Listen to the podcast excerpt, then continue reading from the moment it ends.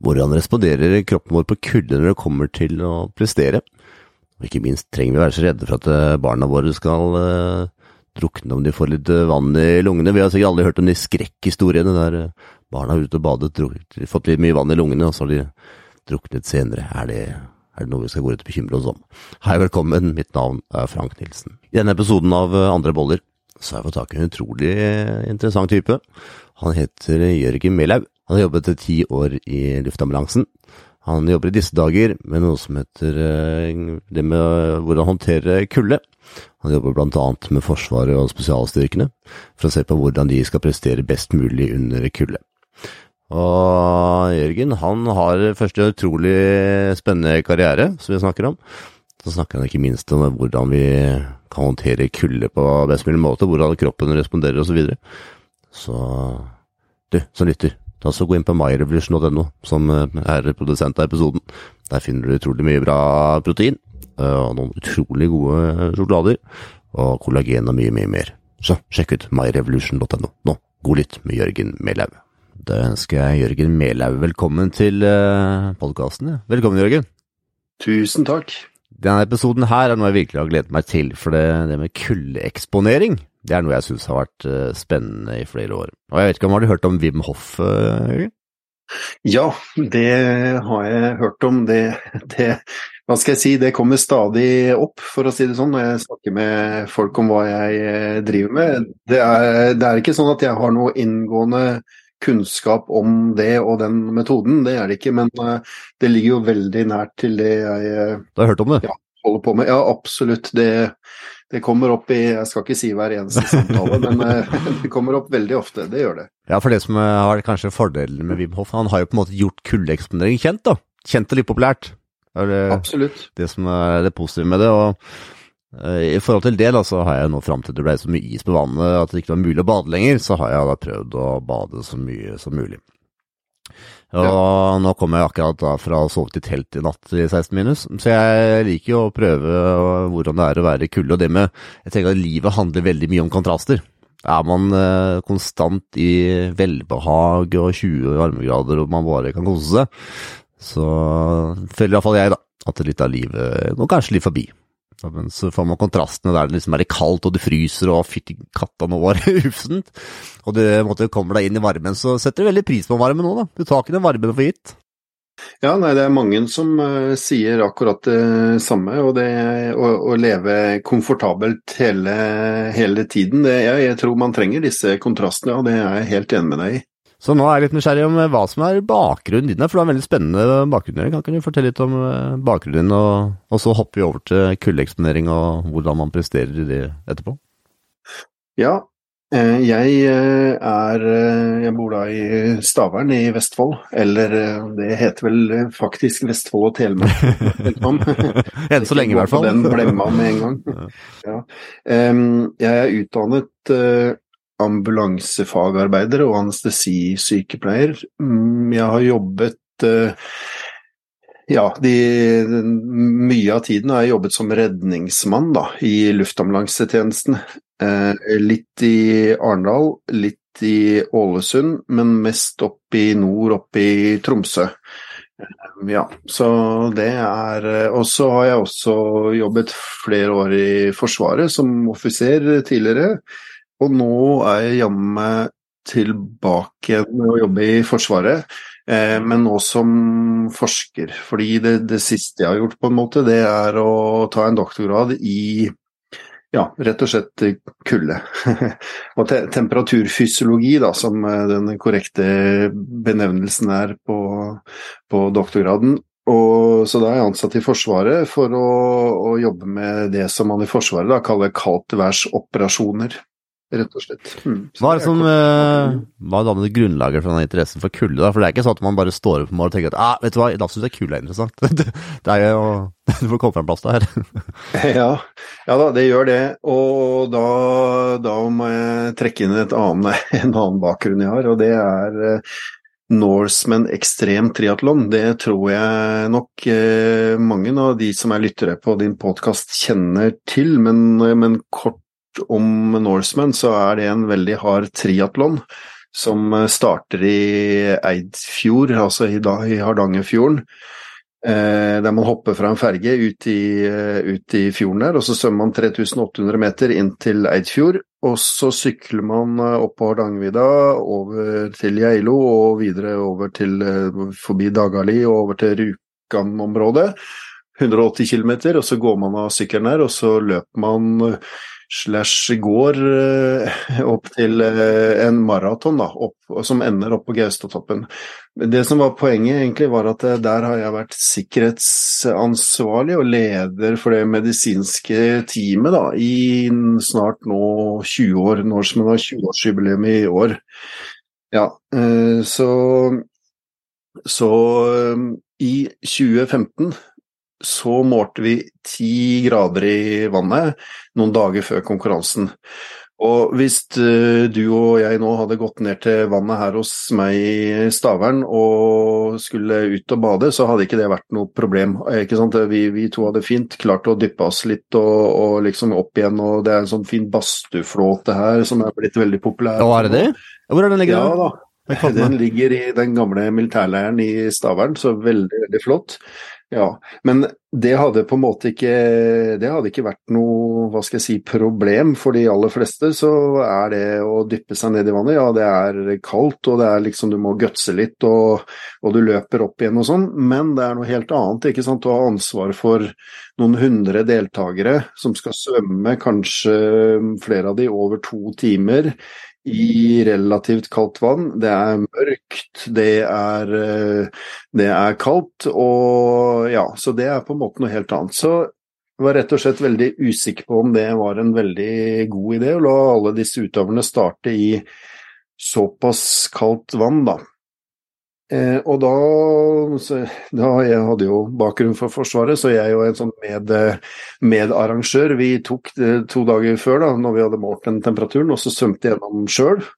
Vi er jo mer eller mindre sånne aktive eh, triatlonutøvere sjøl, så vi svømte liksom bare for å se er det her greit. Og vi fikk ikke noe Hva skal jeg si, det føltes for så vidt greit for oss, men vi halverte distansen da fordi at, eh, ja Eh, men så var tilfeldighetene at eh, denne personen, medarrangøren som jeg svømte sammen med, det var da en professor i fysiologi, Jonny Hisdal, som er veldig godt kjent i disse idrettsmiljøene og sånn. Og han foreslo at jeg skulle gjøre en doktorgrad på dette her. Eh, svømming i kaldt vann. Ja.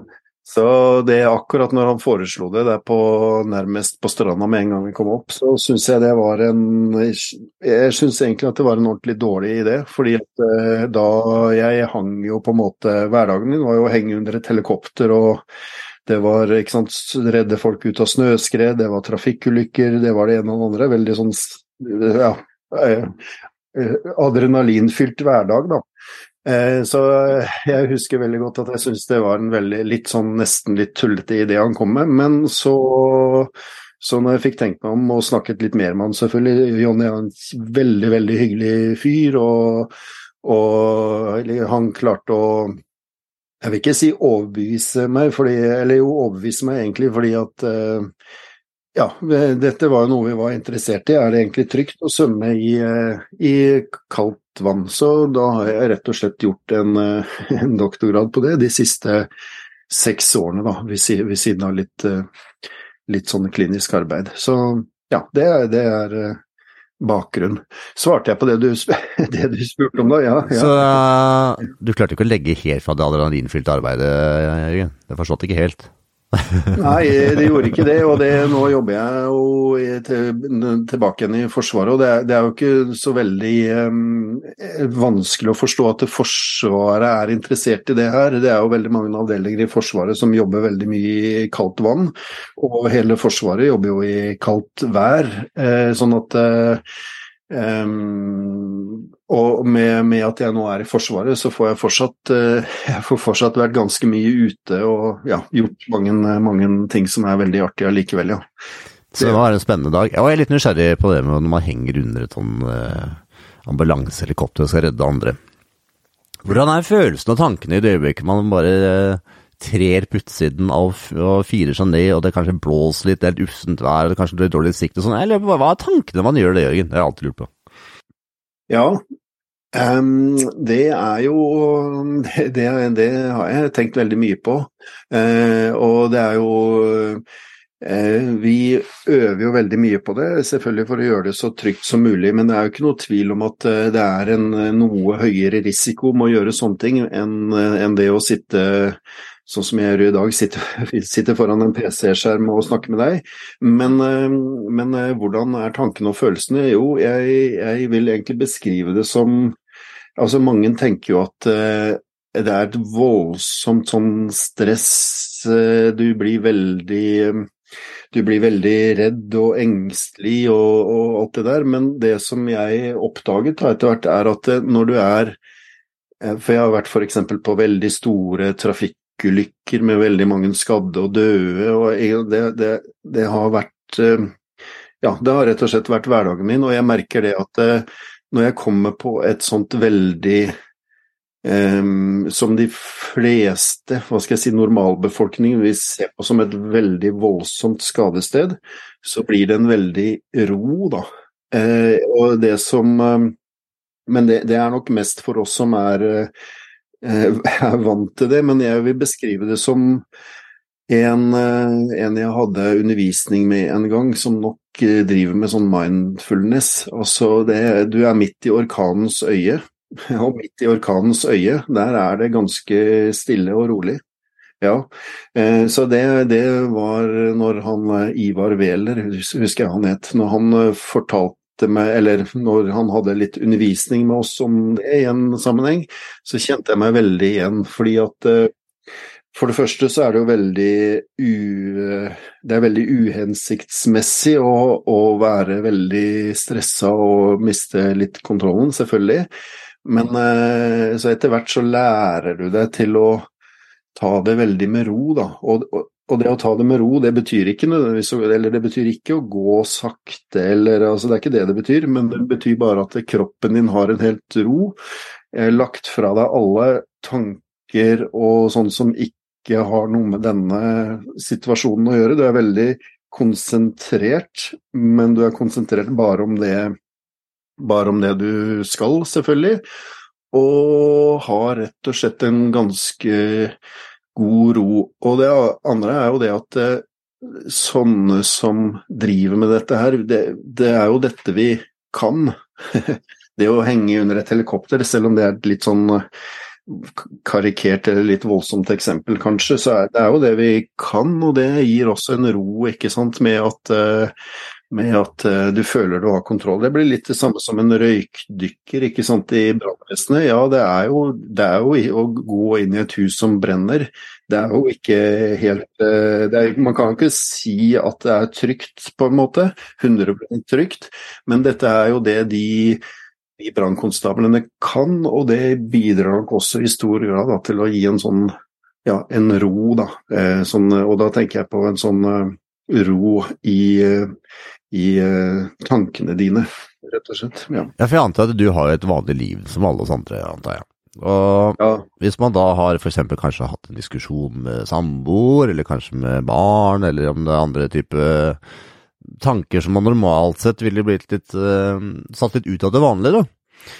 Har du, hvordan er det du på en måte plasserer tanker som kanskje kan være stressende eller være hva skal jeg si, forstyrrende, og bare kan ja, ok, nå plasserer jeg diskusjonen med samboeren til side nå, og så bare gjør jeg det jeg skal, gjøre. For det er jo en, det er jo en, både en, det er jo en trent egenskap, altså det er jo noe du må, dette er jo noe du må ha det er ikke bare naturlig for alle å bare kunne plassere tankene til siden. Det må være en viss strategi her.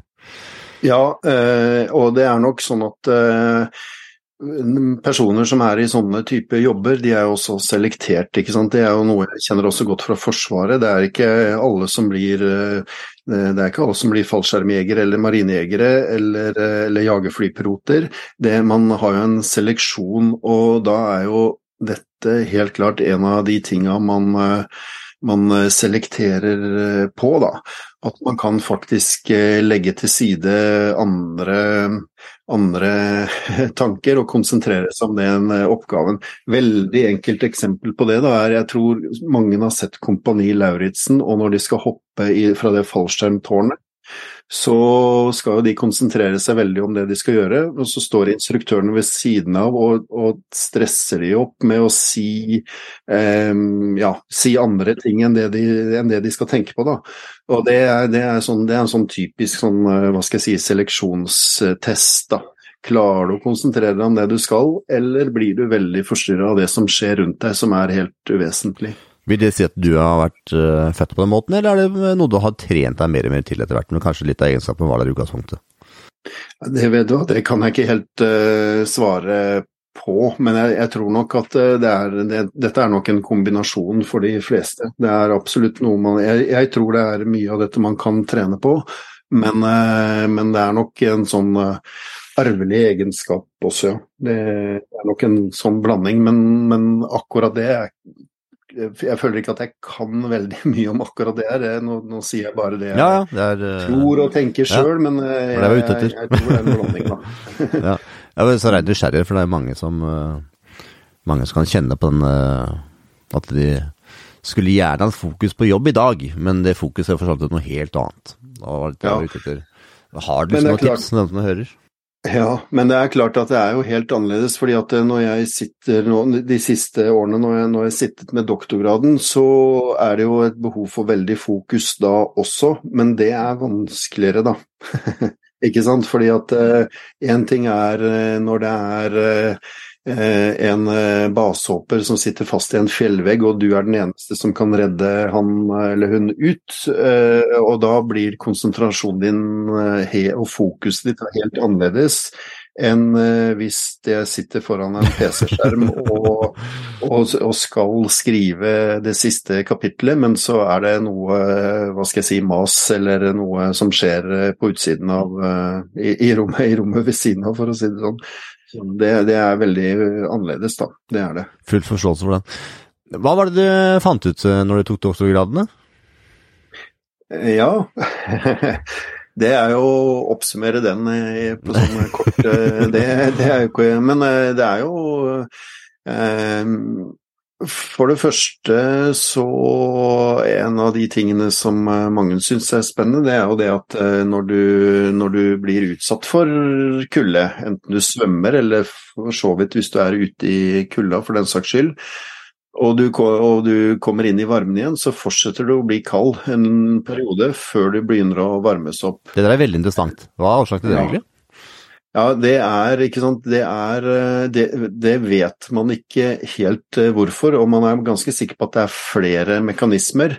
Eh, men det har noe med blodstrømmen, ikke sant, som nå, når det har vært kald, så har blod, blod hoveddelen av blodstrømmen din har vært inne i kjernen din, og nå når du kommer inn i varmen igjen, så begynner blodstrømmen å strømme litt mer ut i armer og ben, og da er det noe med at det er en periode der som blodet blir fortsatt litt, eh, litt eh, nedkjølt, da, eh, rett og slett. Så, men, men det, er, det er en veldig sånn, hva skal jeg si, over, overforenkling, men, men, det er noe med det iallfall som skjer, da. Men det andre som skjer For du startet jo med å snakke om Wim Hoff. og det er en annen ting da, som, det, som, det, som, er veldig interessant, som jeg ikke har helt svarene på, det er det at eh, det, det ser ut som også at eh, de som skal svømme i kaldt vann, en del av de blir varmere allerede før de går ut i vannet. Så det, det, ser ut i hvert fall de som er litt erfarne med å være i kulde, det ser ut som man på en eller annen måte kan heve kroppstemperaturen sin litt, uh, ubevisst, uh, før man går ut i vannet.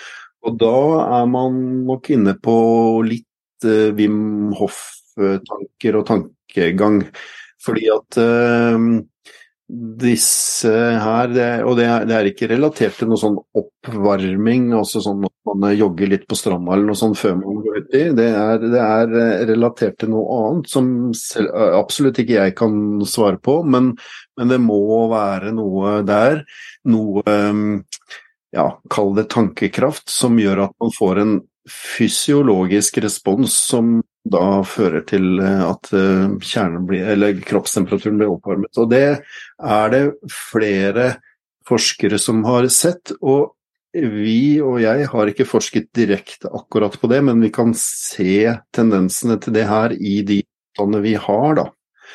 Og det, der er det et eller annet som uh, Noe jeg, jeg, lurer på mange ting, Jørgen, og en ting jeg lurer på er hvis du, du har vært ute i vannet en stund, og så merker jeg at det her uh, Si du har vært ute i ti minutter, og det er kanskje fem-seks grader i vannet, f.eks.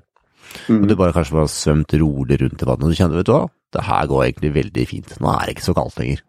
Mm. Hva er det som har skjedd i den, uh, i den fasen når det har gått fra ut i vannet og det var skikkelig kaldt, og så tenker du nei, nå er det egentlig ganske deilig, nå kan jeg bare være ute, ute her en stund. Hva er det ja. som, hva har skjedd da? Ja. Nei, det er jo også en av de helt tydelige funnene vi har. Eh, og det vil si at eh, når du begynner å svømme i kaldt vann, så er det ikke sånn at du blir ikke nedkjølt eh, med en gang. De fleste kan svømme i 15-20 minutter før det i det hele tatt skjer noe som helst med kroppstemperaturen din. Og det kan hende at til og med du blir varmere fordi du svømmer kanskje litt, eh, litt hardt osv. Så, videre. så det, det, ser vi veldig tydelig i dataene våre, at 15-20 minutter kan man fint svømme. Våre data er for så vidt med når man har på seg våtdrakt, men det ser ut som en del andre studier at det, mye av det samme skjer med, uten våtdrakt også. Så det første som skjer, fordi at eh, når du går ut i vannet med en gang, så er det egentlig huden din som blir smertepåvirket, da, for å si det på den og det, og det er øh, vondt. Men øh, ja, men det er da ikke noe øh, ikke noe farlig akkurat det at du, at du får sånn smerte i huden. Mm. Så er det selvfølgelig noen sånne risikoer for frostskader osv. osv. Mm. Men det kommer ikke så tidlig det, Jørgen? Nei, det gjør ikke det. Eh, sånn at, eh, sånn at eh, det, det, det, Den første responsen og de første minuttene og de første ja, kvarter, 20 minuttene, så er det kun huden din som på en måte gir deg en respons. da. Og etter hvert så blir huden og, og, på en måte sensorene i huden din de blir tilpassa denne kulden. Og så er det mange, akkurat som deg, som føler at ja, etter en liten stund så går det egentlig helt greit. Men, et, men, jeg vil ikke anbefale noen lange svømmeturer, altså i kaldt vann. Det vil si at noen gjør det, men de er på en måte ja, de, de har gått gradvis og, og ja, trent på det. Ja, for det er vel det som er essensielt tenker jeg, når det gjelder kuldeeksponering. Det er liksom bli kjent med sin egen kropp gradvis. For det, ja. du skal kjenne tegnene som kommer her. Absolutt. Men så må jeg si det, da, at eh, det er, det er noen jeg, har jo bare forsket på de farlige effektene av å svømme i kaldt vann. Det var litt det som var starten. Og det er jo, en, det er jo en, et forhold her som kan være litt skummelt. Det er jo dette kuldesjokket. Så hvis du stuper eller hopper rett ut i kaldt vann, det er noe jeg sånn generelt sett ikke anbefaler. Og hvis man skal um, bade litt i kaldt vann, så bør man gå ut i gradvis, altså. Fordi at det kuldesjokket, og kanskje til og med kombinert med det, som kalles dykkerrefleksen, det kan være ganske skummelt, og særlig for, for personer som litt, begynner å bli litt eh, voksne, eh, der det er sånne ja, eh, latente hjertesykdommer, altså hjertesykdom og sånn som begynner å komme litt som man ikke vet om så så, så det, kan det være veldig skummelt. Og måten man eh, kan, hva man kan gjøre for å liksom å dempe faren med det her, det er å gå ut i litt gradvis, da. Så det anbefaler jeg absolutt. Ikke sånn, ikke stupe rett ut i det.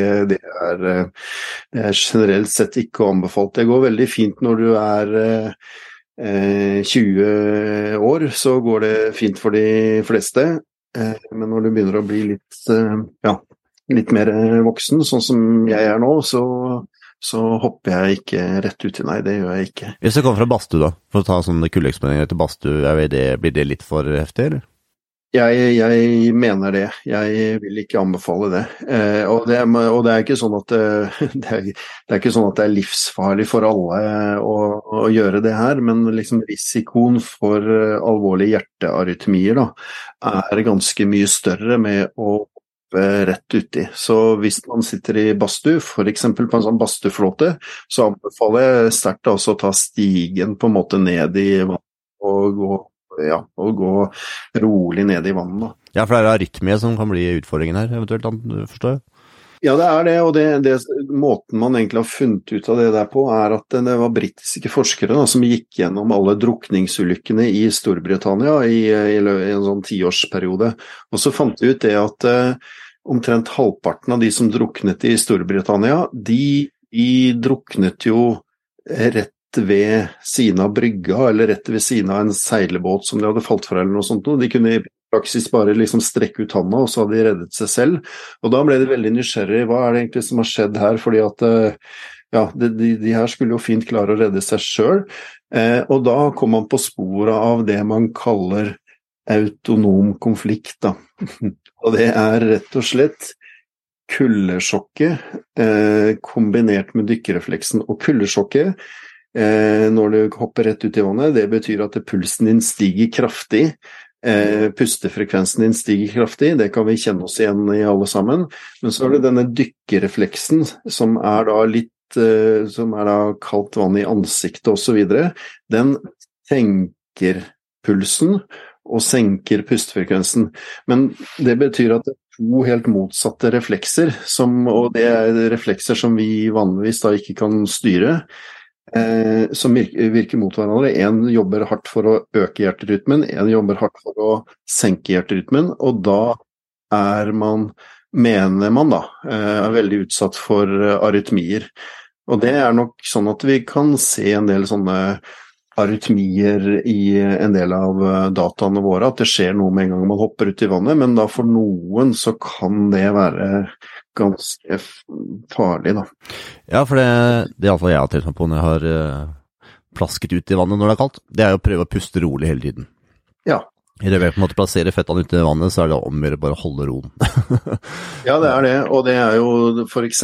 Redningsselskapet nå, som jobber veldig med drukningsforebygging. De anbefaler jo det at hvis man ramler uti vannet fra en båt eller noe sånt noe, helt uforvarende, da, så er det liksom det første bud, det er å forsøke å ligge rolig og få kontroll på pusten din. Fordi at da demper du disse refleksene.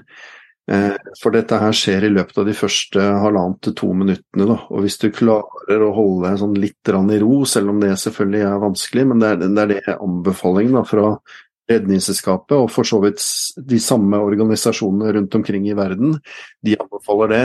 Forsøk å holde i ro og flyt rolig på vannet eh, i et par minutter, og så er det liksom good to go.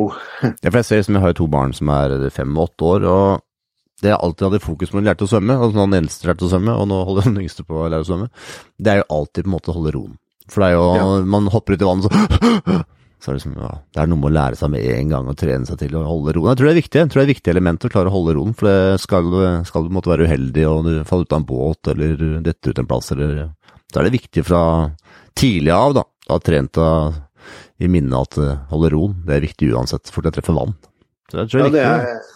Ja, det, det er uh, disse organisasjonene som jobber med drukningsforebygging. Det er, det er, det de fokuserer på. Jeg ser også, for jeg også har relativt små barn på én og fem år. og Femåringen han, han, eh, lærer det nå på sånn svømmetrening, at det er det han skal gjøre. Og det blir jo jeg selvfølgelig veldig, veldig glad for når de begynner med det allerede da. Jeg er veldig nysgjerrig på det med prestasjon i kulde. For det én ting er å holde roen, det er én ting. Men hvordan er du hvor, Altså Hvordan er det du klarer å prestere når det er kaldt og du fryser og kroppstemperaturen hvor, hvor lang tid tar det før kroppstemperaturen går ned, forresten? Ja, i sånn kaldt vann, sånn som vi har eh, studert mest på, da, så begynner det, liksom det å skje noe med kroppstemperaturen etter ca. 20 minutter. 15-20 minutter så begynner den å synke hvis det er ordentlig kaldt i vannet. Og da er det jo Disse som vi har eh, forsket på, de har jo svømt relativt langt. Og i den ene studien vi har, så har vi hatt eh, marinejegere som har svømt sånn 10 000 meter i åpent hav. Eh, de har svømt i tørrdrakt, men allikevel så er det jo Det, det blir jo kaldt. De svømmer i desember og, og fem grader kaldt vann, ja, og bruker jo en del timer på det. Eh, det er, det er, jo ikke noe lett eh, spørsmål å svare på det, hvordan man presterer i best i kaldt vann, eller i kulde for den saks skyld, men, det, men liksom nøkkelen her da, det er jo å unngå å bli kald, og det høres jo veldig sånn banalt ut. da. Men, eh, men er, hvis du først har begynt å bli kald, da, da er du langt bakpå. da. Eh, for å si det sånn, fordi det, det, er veldig vanskelig å reversere det da, når du først har startet. Eh, hvis, du, hvis, du, fortsatt skal gjøre den aktiviteten, så er det vanskelig å reversere det når du, når du først har begynt å, å fryse. Så, eller først har begynt å bli kald. Men det er jo eh, når, eh, det, det, det, første vi må komme over, det er jo dette er kuldesjokk og det vi allerede har snakket om. Men det neste som skjer, det er jo det at muskulaturen huden og etter hvert muskulaturen begynner å bli kald, og da blir jo allerede der sant, prestasjonen dårligere, enten du er ute og løper eller eh, du er og svømmer, eller, sant, så begynner jo allerede prestasjonen å bli dårligere. Og det som er, er det at eh, her er det nok noe som vi må se litt mer på, men vi vet jo veldig godt det at eh, fett og fettvev, det isolerer. Disse her engelske kanalsvømmerne og andre sånne erfarne issvømmere, de er jo relativt store, altså i betydningen å ha fettvev. Og det er jo en fordel. For, akkurat i forhold til det å, å, isolere kroppen. Det som er, det er det at eh, muskulatur det isolerer også veldig godt mot varmetap, men det er bare når muskulaturen er i ro. fordi at når man begynner å bruke muskulaturen, da mister man all isolasjonsevnen til muskulaturen. Men det andre som er viktig med muskulaturen, er at det er den som produserer varmen. Så det er, det er noe der da, som vi som vi eh, må jobbe litt mer med å forstå. Da. For det, her er det et slags skjæringspunkt da, mellom det å produsere varme i den ene enden og miste varme i den andre enden, som vi, som vi må forstå litt, eh, litt uh, bedre. Um, men uh, jeg tenker at uh, for sånn prestasjon uh, så handler nok det veldig mye om det mentale, altså. For hvis man har begynt å bli så kald at muskulaturen begynner å bli kald, og eventuelt liksom kjernetemperaturen din begynner at kroppstemperaturen blir nedsatt, da er det gått for langt, da. Da, da, da vi, vi, må liksom stoppe det lenge før det, da. Ja, hvor er, hvor, hva snakker vi om da? Hva, hvilken temperatur snakker vi kroppstemperatur når vi liksom har for langt ned? Ja, sånn medisinsk sett så er jo hypotermi, altså nedkjøling, det, det, det, det medisinske begrepet på nedkjøling, det er jo kroppstemperatur under 35 grader.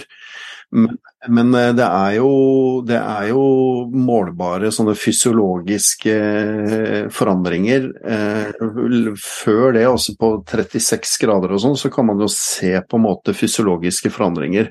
Sånn at det, ja, det kan man. Blant annet økt pustefrekvens og økt puls osv. Og så. Sånn at sånn Hakking av tenner og skjelving og sånn videre? Nei, det kommer nok litt eh, lavere ned. For hvis man skjelver, da er man igjen da, eh, for kald i sånn prestasjonssammenheng. Mens hvis man tenker mer sånn i en sånn eh, redningsspor, akuttmedisinspor, medisinsk spor, så skjelving er jo egentlig veldig bra. For det er jo muskulaturen jobber veldig hardt for å få opp varmen. ikke sant? Sånn at hvis du begynner å skjelve, så skal du i hvert fall normalt sett da, bare la det fortsette, for det hjelper deg. da. Jeg har alltid tenkt ja. ok, pust rolig, ro deg ned, men da er det egentlig bare la det bare fortsette fram til kroppen har fått opp en tur tilbake? Da. Ja, er, du kan jo skjelve av en del andre årsaker, f.eks. hva skal jeg si, epilepsi eller andre typer sånn men, men, hvis det er snakk om at du har vært eksponert for kulde, da, da, er det gunstig også å skjerpe, fordi at eh, det produserer voldsomt med varme. Sånn at, eh, sånn at eh, det skal man bare, ja, bare la, la, fortsette. Men det er klart at disse toppidrettsutøverne eller for, også for den saks skyld sånne spesialsoldater og andre som er helt avhengig av å prestere på maks. Da, da, da, er det viktig å ikke bli kald, altså, for da blir prestasjonen nedsatt. Det gjør den. Ehm, det, det, når man begynner å bli kald også, så etter hvert så skjer det jo noe med det kognitive. Altså hvordan man, eh, hvordan man eh, klarer å tenke at nå, nå, må jeg faktisk opp av vannet, eller nå må jeg ut av varme meg, eller noe sånt noe. De tinga der òg begynner å bli vanskelig da, etter hvert som man blir kald. Uh, da snakker ja, det er jo det at du klarer ikke å Eller det blir mer og mer krevende å tenke rasjonelt, ikke sant. Og det vi merker da på f.eks. Norseman, det er at de som begynner å bli kalde, for det vi har jo noen av de der stort sett hvert år, de klarer ikke sjøl å si fra at nå er jeg for kald, så jeg må på en måte ut av vannet. Det, det klarer de som regel ikke. Det det er vi som må må ta de ut av vannet og begynne å varme de da, for de, de, de, klarer ikke det ofte selv, altså. Men er det ofte sånn at vi har alltid hørt i historien om at de som uh, har gått i lettkledd ut, og så har de, har de begynt å kle av seg, og så har de fryst i hjel. Uh, da kan vi snakke om rasjonelle tanker osv. Hva er grunnen til at mange da velger å kle av seg når man er i ferd med å fryse i hjel? Ja, eh, det er, det er, altså, det er nok uh, historier på litt sånn anekdotisk nivå, men det er nok riktig at det har skjedd også. Uh, og det, jeg har hørt sånne historier, men etter veldig mange år i redningstjenesten så har jeg på en måte aldri vært borti det selv. Nei, men, men samtidig så er det noe med den der kuldefølelsen i huden og sånn, for det er der på en måte følelsen vår av kulde sitter, da, som antageligvis har bidratt da, til, å, til å, å gjøre sånne ting. At man, ja, at man plutselig på en måte føler seg, føler seg veldig varm. Men akkurat det der har jeg ikke helt uh, hva skal jeg si, forstått. Da. Så det, jeg, jeg, kan egentlig ikke svare på det. en annen ting jeg også lurer på, det er eh, Jeg merket hvis jeg har stått uh, nå som det er, når is, da, men rett før det ble is, så bare vasset det ut. jeg ikke med hele kroppen under, jeg bare vassa ut, vasset ut i vannet og sto, sto der ja, jeg vet ikke, fem minutter kanskje. Fire-fem minutter. Uh, og da kjenner jeg at det da første så stikker det noe helt sykt i leggene. Men det som uh, er veldig interessant, det er at uh, jeg mister nesten følelsen i føttene. Så hvis jeg går opp igjen av vann, så er det nesten sånn at jeg kan nesten ikke merke den grusen jeg liksom går under. Det er veldig spesielt. Veldig spesielt. Ja, ja da, og det er Er det huden, da? Det er huden, ja. Det er mm. rett og slett huden som, eh, som, eh, som blir eh, nærmest sagt bedøvd, altså. Så ja, helt ja, god beskrivelse. Det er samme følelsen jeg også har, og, og mange andre med meg da, har mm. det. Sånn at uh, hmm. Så det er rett og slett at huden blir bedøvd, altså? Men jeg skjønner hva du mener, for det kan faktisk gå liksom på grus uten å egentlig merke at det ligger på kulde eller hva som helst, du merker det nesten ikke. Så man bedøver ja. egentlig huden med kulde? Ja, det er, det er, ikke riktig begrep. Nei, men jeg, jeg, jeg skjønner, jeg skjønner, bedøv, men, men, eh, ja. jeg skjønner hva du mener. men følelsen av det. Ja, mm. ja da, helt riktig. Mm, det er det. Du driver også med noen studier med gravide, så hva er det for noe, Jørgen?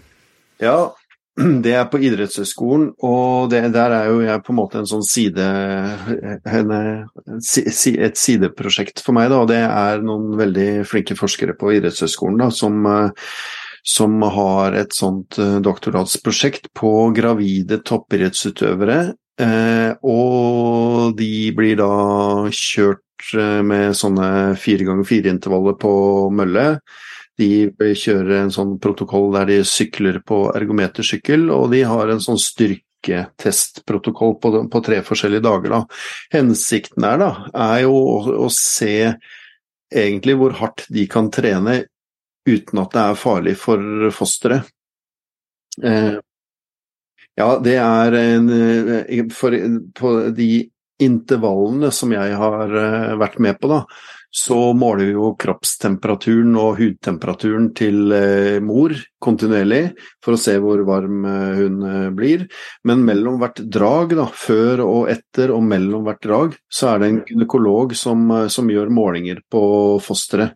Og rett og slett passe på fosteret. Og akkurat hva slags målinger hun gjør, det, det kan jeg ikke si sånn helt sikkert, men, men, i hvert fall så ser de hvordan fosteret på en måte reagerer på på dette her, eh, og liksom med alle forbehold også, fordi at eh, her, her, gjør vi jo ingenting som vi tenker at kan være farlig for fosteret. Selvfølgelig gjør vi ikke det, eh, men, men vi, vi, kjører de ja, gjennom en sånn protokoll, altså en test på mølle og på, på sykkel og på styrketrening, og, og ser rett og slett responsen. Så mitt hva skal jeg si, sånn bidrag i det her da, er å se på temperaturen og kjernetemperaturen og hudtemperaturen på, på mor. Da. Og så har vi også det som kalles en sånn kontrollgruppe, og i denne sammenhengen da eh, kvinner som ikke er gravide. Og så ser vi om det er noe forskjell da, på hvordan, eh, hvordan, disse dragene på mølla f.eks. hvordan de responderer. Da. Interessant. Har man sett noe hittil, eller? Ser man noe forskjell? Det, så langt er vi ikke kommet at vi har sett på det, så det kan jeg, det kan jeg ikke egentlig si noe om. Men, eh, men, det er veldig interessant fordi at eh, kvinneforskning, da, det er nesten pinlig å snakke om det for en mann, for det, det er så veldig Det er jo så ekstremt lite av det. Eh, at når, når man starter med sånne studier, så pleier man gjerne å fløy gjennom litt sånn hva er gjort før og alt det der. Men det, det fins jo nesten ingenting, ikke sant. Og det, det, er jo litt eh, Det er jo litt pinlig å, å se på, men, men, det er veldig Det er mer fokus på det nå, da. Eh, kvinnehelse og prestasjon hos kvinner, både i idrettsmiljøene, men også i Forsvaret. da, for mange kjenner sikkert at i Forsvaret så har vi nå sånne egne spesialavdelinger for kvinner. Eh, sånn type fallskjermjegeravdelinger for kvinner. Eh, og det er, ja, og det er, er, er for å liksom å, å benytte den vanvittige ressursen som selvfølgelig kvinner er, da, på best mulig måter. Men så er det ikke sikkert at det, sånn vi har gjort det i flere hundre år, er det beste for kvinner. Eh, og det er, liksom, det er, det vi må prøve å se på, fordi at vi er forskjellige, det er det jo ingen tvil om. Det er jo, vi trenger ikke å forske hva skal jeg si, mer på det, men det er hvordan vi skal eh, utnytte, det er kanskje litt dårlig begrep, men, men liksom til å prestere så godt da. Og det er veldig interessant fordi at eh, bl.a. i en del sånne lange konkurranser, f.eks. sånne ultraløp og sånn. Så presterer kvinner veldig bra? Ja, de, Mye bedre enn menn? Akkurat det de gjør, og det er også sånn at uh, i enkelte løp så er det kvinnelige vinnere, og det tror man det blir mer og mer av, da. Uh, sånn at uh, Og, jeg, og jeg, har blant, jeg, har vært involvert i flere sånne konkurranser, da, annet oppe i Lofoten. Jeg hørte på en av podkastene dine her om dagen, du intervjuet hun Kristin Lome, som, som vant, vant den trippelen et år. Og det, og det, er veldig fordi at disse disse kvinnene Nå, nå hørtes det hørtes sånn veldig fremmed fremmedaktig Men det, det, de, de er, de, det, det, er noe der som, som vi må eller, som vi bør se mye mer på. Da. For, den, den, for det første så er den kvinneforskningen veldig liten. Veldig liten. Men noe er det der, det er det ingen tvil om. Det er noe. Det er noe. Men, men, det må vi liksom mm. følge opp mye bedre, da. Ja, for det virker som Det her er jo har jo ingen grunnlag for det jeg sier, det er bare kun en uh, tanke i øyeblikket. ja. Det virker jo som menn er eksplosive veldig ofte, klarer å prestere under, uh, hva skal jeg si, under jakt i øyeblikket. Men så virker det mm. som kvinner de kan være utholdende utrolig lenge, altså. De bare har en motor som bare går og går og går og går. Og går. Og det kan jeg ta litt tilbake til når, uh, når man får barn. Nå har du små barn, Jørgen. Det, er, det med å få små barn er ikke alltid en spøk, altså. Det er en Nei. virkelig en langdistansemaraton til tider, med lite søvn og alt liksom det innebærer. Jeg tror det ja. har litt sammenheng der òg, ja. Ja da, det har det, og det, det, det, er, Ja, det er spennende, rett og slett. Vi er nok, eh, vi er nok forskjellig sammensatt. Den ene skal på en måte jakte, den andre skal på en måte ta vare på barn. Og, der, eh, Ja, ja. og ut fra det så er det nok eh, viktig å se på hvordan man kan benytte seg av de egenskapene. Da. Ja, Så det er jo morsomt at Forsvaret nå tar litt tak i. Ja. Men jeg antar at marinejegerne de har jo vært ganske flinke fram til nå, antar jeg. Hva, hva er det du- du ser som de har gjort riktig fram til nå, da, som forhold til kundeeksponering? Ehm, det er, ja. nå, nå nærmer vi oss jo litt sånn ting som kan være litt sånn sensitivt. Men Jeg det som tenker er, helt sånn generelt, som du kan Ja snakke om. Det. Sånn at det, det som er, er jo en av de tingene som de gjør, det er jo det at de, de bader jo faktisk hver eneste morgen. Ja, det gjør de. Og, og, så da, og da er det jo Det er klart at det, er en litt sånn derre, hva skal jeg si, gutseøvelse på en måte. Men jeg er ganske jeg er ganske overbevist om at eh, det har ganske mye å si også hvordan vi presterer i, i kulde, da. Eh, Det sier seg selv, at man venner seg veldig ofte til det meste. Da. Ja. Mm. Og så er det noe med fordi at det- ja, prestere i vann, kulde, ja, eh, men det vi ser da både på disse triatlonutøverne og disse spesialsoldatene, jo det at det, det er jo når de kommer opp av vannet, det er jo da på en måte utfordringene og sånn eh, begynner, fordi da begynner hendene, fingrene å fungere dårligere. Eh, som jeg snakket om i sted, kroppstemperaturen fortsetter kanskje å synke. De har nedsatt kraft i muskulaturen. Men det er jo, enten du er triatlonutøver eller marinejeger, så er det jo når du kommer opp av vannet som på en måte prestasjonen skal starte. Eh, disse triatlonutøverne de skal ut på sykkel og håndtere en sykkel, kanskje mye teknisk sykling og bakker og, og bremser og alt det der. Mens marinejegerne de skal kanskje klatre opp en taustige, eh, bruke våpen og alt det der. Og det, det, er, det, er, det er egentlig det som Når du startet med å spørre, spørre hva er de viktigste funnene, så vil jeg, vil jeg si at eh, det er liksom et av de viktigste funnene, da, som selvfølgelig ikke er noe nytt, men vi kan sette litt mer sånn da, på det nå. Da, at eh, når du kommer opp av vannet, det er det vi må ha fokus på. Da. For det er det, det, er det som eh, det er det som er liksom utfordringene. Jeg var med noen venner nå og skulle bade i sjøen forrige helg. Og da er det jo, da er det, jo det å, som jeg sa i sted, da, å, liksom å dyppe seg i sjøen, det er ikke noe problem. Men når du kommer opp igjen, og så merker du at fingrene dine ikke fungerer, og så skal du ha opp en glidelås og ned, ikke sant, og finne håndkle og få på deg skoene og alt det der. Det er jo det som er eh, utfordringen. Ikke nødvendigvis det å hæle og, eller orke å være ute i vannet, men det er når du kommer opp, det er da det begynner også å bli, eh, bli eh, problemer, da. Så det må vi ha mye mer eh, fokus på, da. Men dette må være muskelminne og repetisjon, Røgen. Antar jeg. Unnskyld, nå fikk jeg ikke dette må vel være muskelminne og repetisjon. Jeg antar det der med en handling, altså dette er etterspørsel fra Forsvaret, altså det handler om å repetere så mye at de sitter der uansett hva som skjer.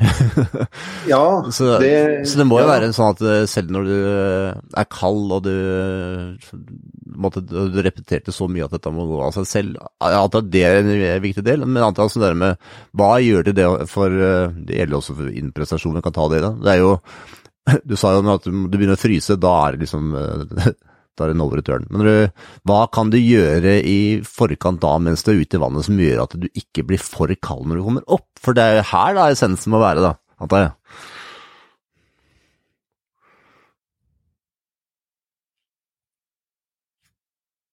Hallo, Jørgen? Hallo? Hallo? Hallo, ja. Hallo? Der var vi. Ja. ja. Ja, jeg antar, jeg antar den der essensen er vel når man da kommer eh, kommer opp av vannet. Altså, hva har man gjort i, forkant som gjør at man da ikke kanskje blir for kald, eller hva, hva gjør en som er ute og svømmer og skal da ja, på best mulig måte gå i land og være klar? Ja, ja, det er jo det, ikke sant. Og det, det som, eh, som jeg eh, prøver å gjøre, og prøver å anbefale, det er jo det at eh, du må jo Det er jo så enkle ting som å i hvert fall forsøke å legge klart utstyret ditt ikke sant, som du skal ha på deg i en slags, eh, kall det en riktig rekkefølge, eller, eller sånn at, ikke sant, at du har kanskje sekken f.eks. er åpen allerede når du kommer opp av vannet, og det bare er å ta opp klærne, eller Altså det er å være forberedt, da, rett og slett, på at du også skal opp av vannet, at håndkleet på en måte ligger øverst, sånn at du ikke trenger å lete etter det i bånn av sekken før du skal tørke deg. Ja, ikke sant? Sånn, det er veldig banale ting, da. Men, men det, er, det, er, det, er, eh, det er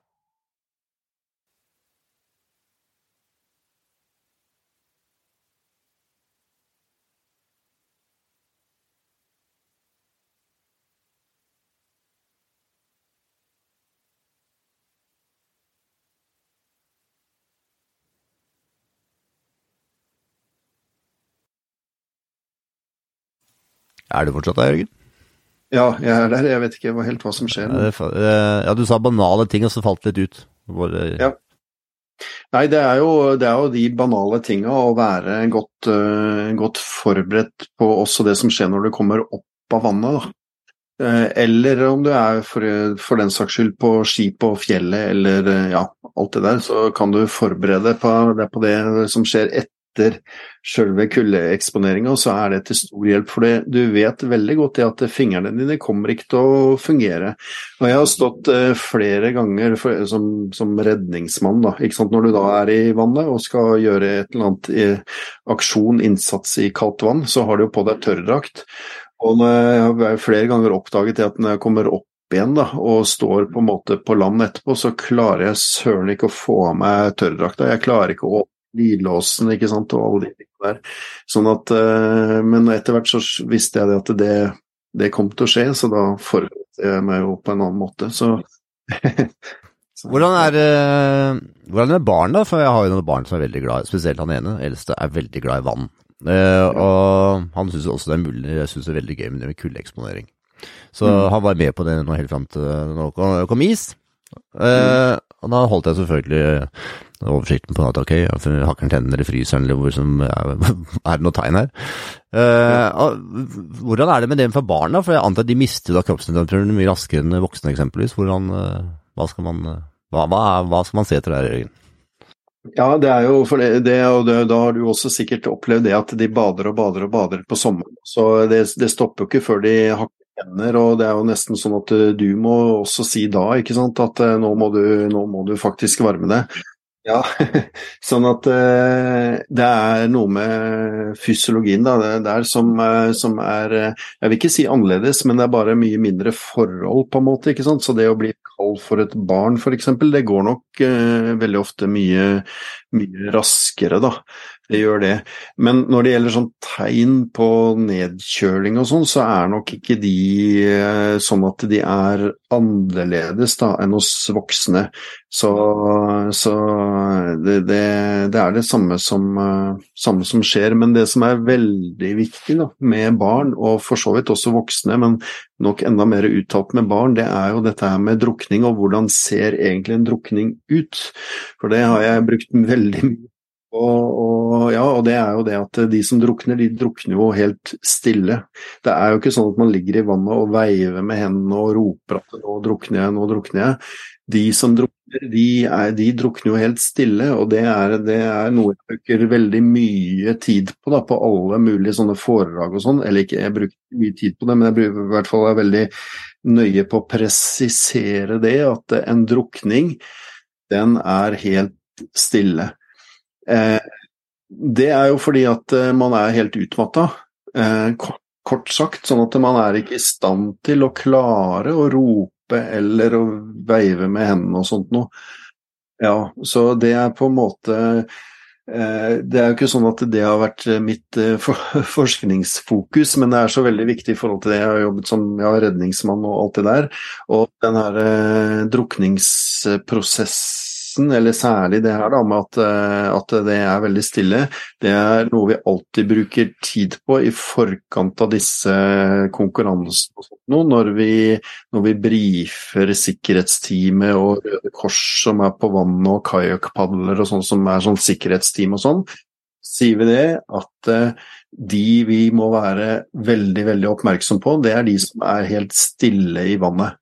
Det er vi må ha fullt fokus på. Det er ekstremt viktig også, for det er de som drukner. Eh, det er ikke de som roper og veiver med hendene. Det skjer nesten, nesten aldri. Eh, det er klart at noen kan rope og veive med hendene, men da er det som regel andre problemer. Det er gjerne sånn panikkhold og sånn f.eks., og det kan jo selvfølgelig være alvorlig det òg, men drukninger er ille også. Der lærte jeg virkelig noe essensielt jeg skal ta med Jørgen. For jeg har en tanke om at eh, barn har behov for fysisk aktivitet. Så ja, på sommeren Ja, men det er jo så, akkurat som jeg gjør med, med femåringen. Eh, altså når han er i vannet, og jeg er på, ute med flere barn for den saks skyld. og Så er det, ikke sant, så lenge de roper og hoier og heier og sånn, så er egentlig alt bra. Men eh, blir det stille, og det, og det, skjer jo gjerne at det er én da, ikke sånn som er stille i, ute i vannet i et eller annet uh, hjørne, eller ikke hjørne. Det, er det, det, er det, som er farlig. Når du sitter på stranda og følger med, så er det de man skal følge med. Rolig, ja. Det skal jeg ja. ta med.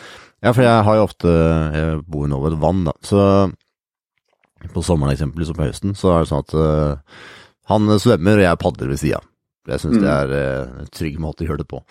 Eh, altså er det sånn som eh, fedre, altså vi prøver å presse litt, grann, litt ut av komfortsonen, men ikke for langt. Men sånn at man presser seg litt. Grann, jeg tenker det er viktig det å lære seg å, lære å presse seg selv litt.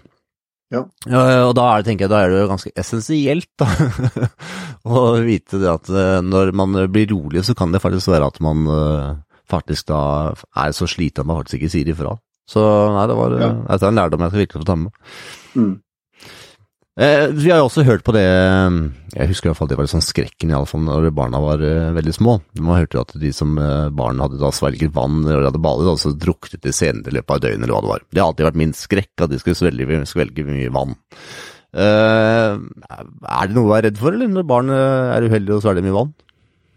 Nei, eh, det altså jeg, jeg, skal ikke si at det ikke er noe å være redd for. Men det er tørrdrukning, eller hva det nå kalles. ja, det er nok en overdreven frykt. Det, mm. det, tror jeg i hvert fall jeg kan si. Men det er veldig farlig å si at det ikke er noe å være redd for. Jeg skjønner hva du mener. Hva du mener. Eh, men, eh, men det, det, er nok Det er ikke det mest vanlige? Nei, det er absolutt ikke det mest vanlige. Det er det ikke, altså. Så ja.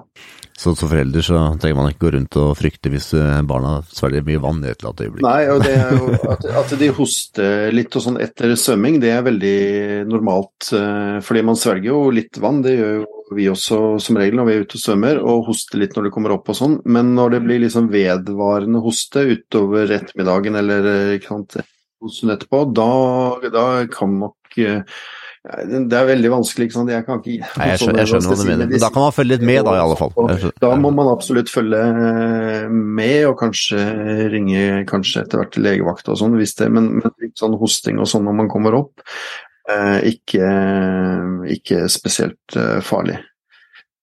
Da må jeg takke deg så mye for tida, Jørgen. Det var veldig spennende. Jeg fikk jo spurt om mange spørsmål òg. Alt jeg lurer på. Og det er det som gjør at jobben er veldig gøy. det var veldig hyggelig å være med. Det var det. Ha en fin helg, Jørgen. I like måte. God helg. Ha det bra. Ha det.